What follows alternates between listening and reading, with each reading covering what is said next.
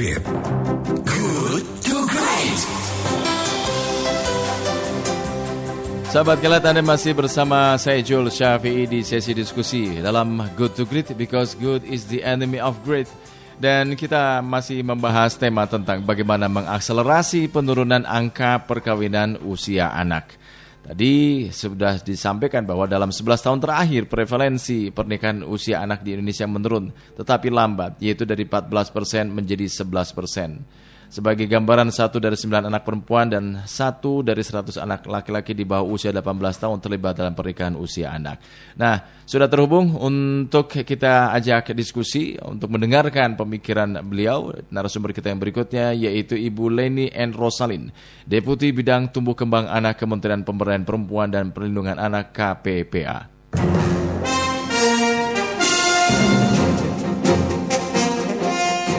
Selamat pagi Ibu Leni. Ya, selamat pagi Kang Ijul. Selamat Iya. pagi sahabat Kelight. Ibu Leni, ini 11 tahun terakhir angka perkawinan usia anak hanya turun 3 persen. Dari 14 jadi 11 persen. Jadi Iya. memang masih dibutuhkan upaya percepatan untuk mencapai target maksimal 6 persen pada 2030 nanti ya. Nah, Iya. sejauh ini upaya apa yang akan dilakukan pemerintah ini untuk mempercepat penurunan angka perkawinan anak Bu Leni? Iya, jadi eh, kita akan fokus ya ini untuk memang eh, turunnya 3,46 ya 3,46, persisnya ya. oke. Iya. Jadi kalau dilihat di usia berapa mereka menikah di bawah 18 tahun itu kan sampai eh, dari data yang ada masih ada yang menikah di bawah 15 tahun bahkan. Mhm. Itu ada 0,6 persen. Yang menikah di bawah 16 tahun 1,8 persen. Mhm. yang di bawah 17 tahun masih ada 4,8 persen. Oh. Jadi ini angka-angka yang sebetulnya juga miris ya, Ya, eh, ya. kalau dikalikan dengan jumlah anak Indonesia yang besarnya 79,55 juta anak. Ya. Nah, eh, kita fokus eh, apa kalau melihat strateginya tentunya kita eh, mengoptimalkan kapasitas anak-anak kita. Hmm. Jadi eh, kita punya forum anak yang tersebar di seluruh pelosok tanah air juga. Forum anak? kelurahan. Ya, ada forum anak. Apa Jadi, fungsinya, eh, Bu? Eh, Kota Bandung juga punya loh, Oh, ya, jangan ya. salah. Oh. Iya. Kota Bandung ada forum anak kota, ada forum anak eh, Jawa Barat. Itu Oh. aktif sekali. Apa, Bu, yang berperan, di- Mereka dilakukan? berperan sebagai pelopor dan pelapor. Oh, Oke. Jadi mereka bisa mempengaruhi peer groupnya. Kita latih Oh. mereka dan eh, dan forum anak di seluruh Indonesia memang sepakat untuk eh, sebagai pelopor eh, terkait pencegahan perkawinan anak ini. Hmm. Jadi dari anak oleh anak untuk anak ini sangat efektif sekali nih Kang Ijal. Iya, iya. Jadi eh, terus yang kedua eh, kita juga eh, apa namanya eh, orang tua ya target orang tua, keluarga, organisasi, masyarakat, sekolah, pesantren semuanya dah termasuk kita juga harus eh, apa namanya eh, bekerja sama dengan eh, pelayanan ya artinya Hmm. di sini kesehatan, pendidikan juga harus eh, di samping kita membenahi regulasi dan kelembagaan yang ada. Tapi intinya di sini adalah koordinasi, yaitu kerjasama lintas sektor, Hmm. lintas bidang, semua wilayah, benahin sistem data, terus monefnya juga kita perkuat. Jadi Kang Ijal, kita dalam I- hal ini Ijul, Ibu, bukan sendiri. Ijal. Ya, Dengan Ijul. Eh Kang Ijul, Iya, sorry, iya, sorry, iya. sorry. Iya, iya, silakan. Jadi kita eh, kita nggak bekerja sendiri ya. Jadi Hmm. kita eh, apa punya gerakan bersama pencegahan perkawinan anak. Ya kita yang Hmm. mengkoordinasikan itu mulai dari nasional sampai ke daerah. Hmm. Eh, itu itu baru turun 3,46 ya. Iya, iya. Bayangkan itu udah eh, mulai benahin regulasi. Terus tadi eh, juga mengadvokasi dan mensosialisasikan untuk melakukan perubahan pola pikir kan, terutama tentang hak kesehatan seksual dan reproduksi bagi uh, semuanya, bagi anak-anak, bagi orang tua, keluarga, masyarakat tadi. Jadi uh, apa namanya? Uh, banyak sekali sebetulnya yang kita lakukan, tapi intinya kita didukung oleh banyak pihak, ya.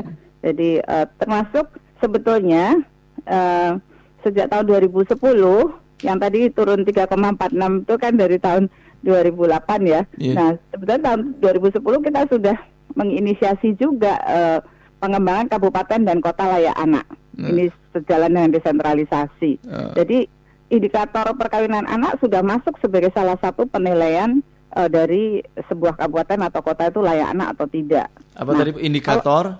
indikator kabupaten dan kota layak anak. Oke. Iya, jadi Bandung juga eh, memperoleh penghargaan nih salah satunya ya. Jadi, Hmm, alhamdulillah. tapi kan itu indikatornya ada 24.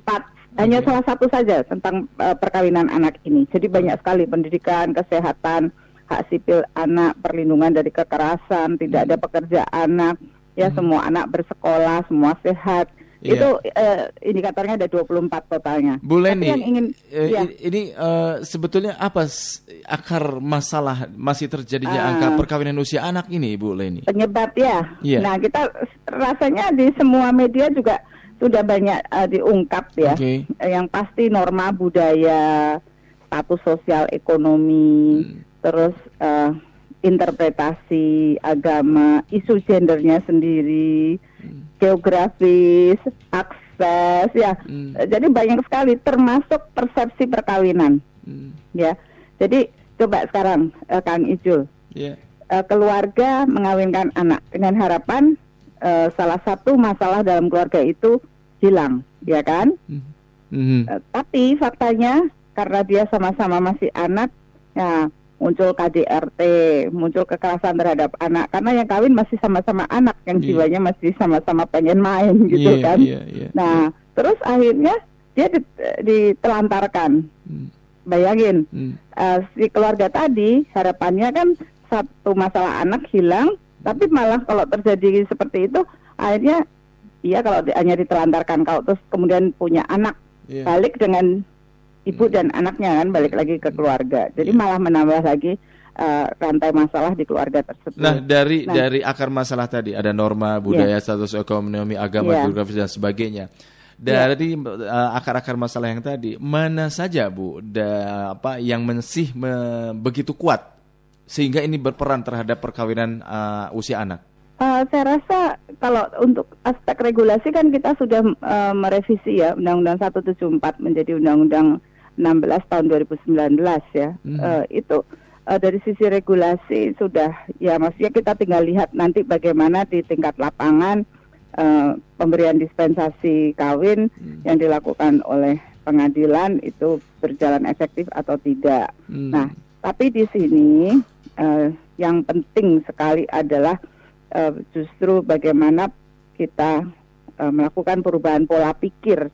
Perubahan Iya. pola pikir, oke. Iya, jadi perubahan pola pikir ini terutama tentang hak kesehatan seksual dan reproduksi. Hmm. Iya. Bahwa dengan bayangkan anak umur 14 tahun, tadi ada yang 15 tahun kan ya, Iya. 0,6 persen ya. Mhm. Bayangkan umur 15 tahun kawin. Dia masih anak. Umur 16 tahun melahirkan, masih anak juga. Jadi anak melahirkan anak. Ya. Bisa dibayangkan kualitas yang dihasilkan.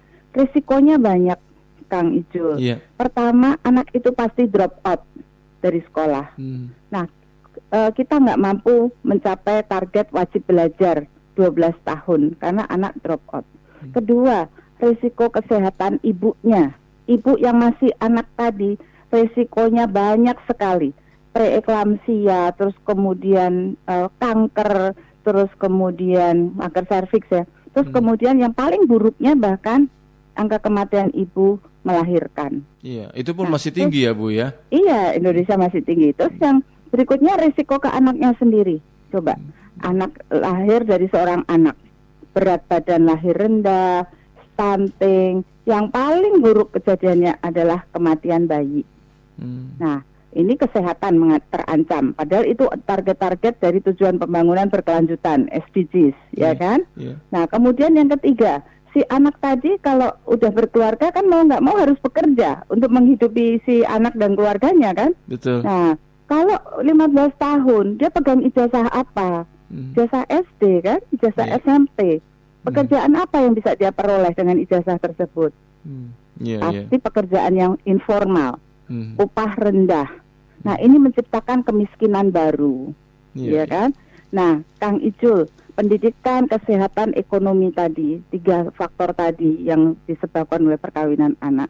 itu tiga-tiganya itu dipakai untuk menghitung indeks pembangunan manusia kita. IPM ya, IPM. Nah, IPM. Nah, padahal indeks pembangunan manusia termasuk indikator kinerja utama dari pimpinan daerah Betul. yang diukur setiap tahun. Hmm. Nah, makanya kenapa kami gencar sekali melakukan uh, campaign, melakukan sosialisasi, advokasi, mengajak semua pihak karena dampaknya yang multiplier tadi. Iya. Jadi Itu tidak hanya tujuan- iya, tidak hanya ke anak dan keluarganya kan. Jadi Iya, ini kan iya. negara pun juga menjadi uh, apa dirugikan dari Iya. terjadinya perkawinan anak ini. Itu Jadi kenapa sampai- ini itu kenapa ini menjadi concern uh, Kelight FM Bu. Jadi ketika kita bicara tentang bonus demografi 2020 sampai dengan 2030, kemudian generasi Betul. emas 2045, uh, Ya. kami menilai bahwa ini menjadi sudah seharusnya menjadi concern bagi semua stakeholders yang ada. Nah, untuk Betul. itu kami sebagai media pun uh, ingin banyak mendiskusikan uh, masalah ini. Yang terakhir Bu Leni, karena waktu Iya. kita terbatas, mungkin next Iya, kita iya, akan kami ngobrol lagi. Uh, Iya. Apa sebetulnya yang yang uh, akan dilakukan oleh pemerintah koordinasi antar lembaga, antar kementerian, bagaimana supaya ini bisa akselerasinya bagus gitu Bu Leni? Iya, jadi kita uh, tracknya uh, minimalnya ada lima track ya yang kita lakukan ya. Hmm. Uh, pertama tadi ke anaknya sendiri. Ya, Kem- ini melalui berbagai anak, baik anak itu uh, tadi yang forum anak atau anak ya di mana pun juga kita bahkan campaign di Car Free Day di Iya. mana anak-anak banyak uh, berada. Kemudian yang kedua tracknya adalah melalui keluarga. Ini Oke. termasuk orang tua di sana. Uh, tidak bisa kita mengabaikan karena terkadang uh, peran orang tua di sini dalam rangka mengawinkan anak juga uh, ada gitu. Hmm. Yang ketiga uh, sekolah ya. Oke. Jadi anak-anak dari sekolah kita juga uh, bisa kita apa uh, paparkan ya tentang bagaimana uh, positif uh, apa kok positif negatifnya kalau terjadi perkawinan anak ini. Terus yang keempat tracknya kita ke masyarakat. Ini termasuk organisasi sosial, organisasi masyarakat, uh, kemudian tokoh agama, tokoh adat, tokoh-tokoh lah ya. Makanya kemarin di tanggal 31 Januari uh, kita melakukan uh, penguatan untuk gerakan bersama uh, pencegahan perkawinan anak itu salah satunya kita uh, fakta integritas nih 20 provinsi dengan angka uh, perkawinan anak tertinggi yaitu di atas angka rata-rata nasional ini punten banget ini termasuk provinsi Jawa Barat Hmm. itu menandatangani fakta integritas tendanya untuk ya menekan angka usia untuk perkawinan. menekan, ya. Dan enam tokoh agama yang mewakili enam agama juga berkomitmen bersama. Jadi nanti bisa melalui khotbah-khotbah, pengajian atau di gereja, di apa, di pura, di dari semua enam tadi ya, itu eh, turut eh, eh, melalui jemaahnya masing-masing bisa melakukan pencegahan perkawinan anak. Dan yang terakhir adalah region. Jadi kalau Yes. tadi anak, keluarga, sekolah, masyarakat ya. Terus yang kelima adalah uh, wilayahnya Wilayah. sendiri. Hmm. Nah, di sini kita meminta pimpinan daerah, ayo wujudkan kabupaten kota layak anak ini. Hmm. Jadi kalau kabupaten kota layak anak yang tadi salah satu indikatornya adalah tanpa perkawinan anak. Nah, insya Allah kan nanti kalau semua kabupaten kota layak anak kan berarti tidak ada perkawinan anak di Indonesia ini, itu kan? Iya. Kan gitu ya. Iya, betul Nah, jadi lima ini eh, lima track ini ya yang saya, eh, harus paralel. Tentunya nanti eh, mainstreamingnya ada reg- beresin regulasi yang tingkat teknis Hmm. eh, yang menjadi turunan dari Undang-Undang 16 tahun 2019 terus memperkuat kelembagaannya, koordinasi tadi, menahin data, Iya. diperkuat pengawasan pemantauan evaluasinya, kapasitas semua pihak, gitulah Iya. intinya.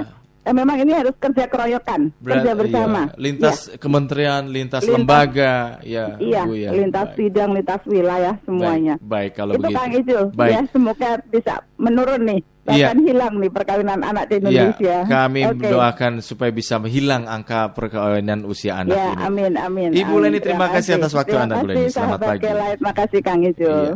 Demikian sahabat Kelight Ibu Leni N. Rosalin, Deputi Bidang Tumbuh Kembang Anak Kementerian Pemberdayaan Perempuan dan Perlindungan Anak KPPPA. Good to Great. Good to Great.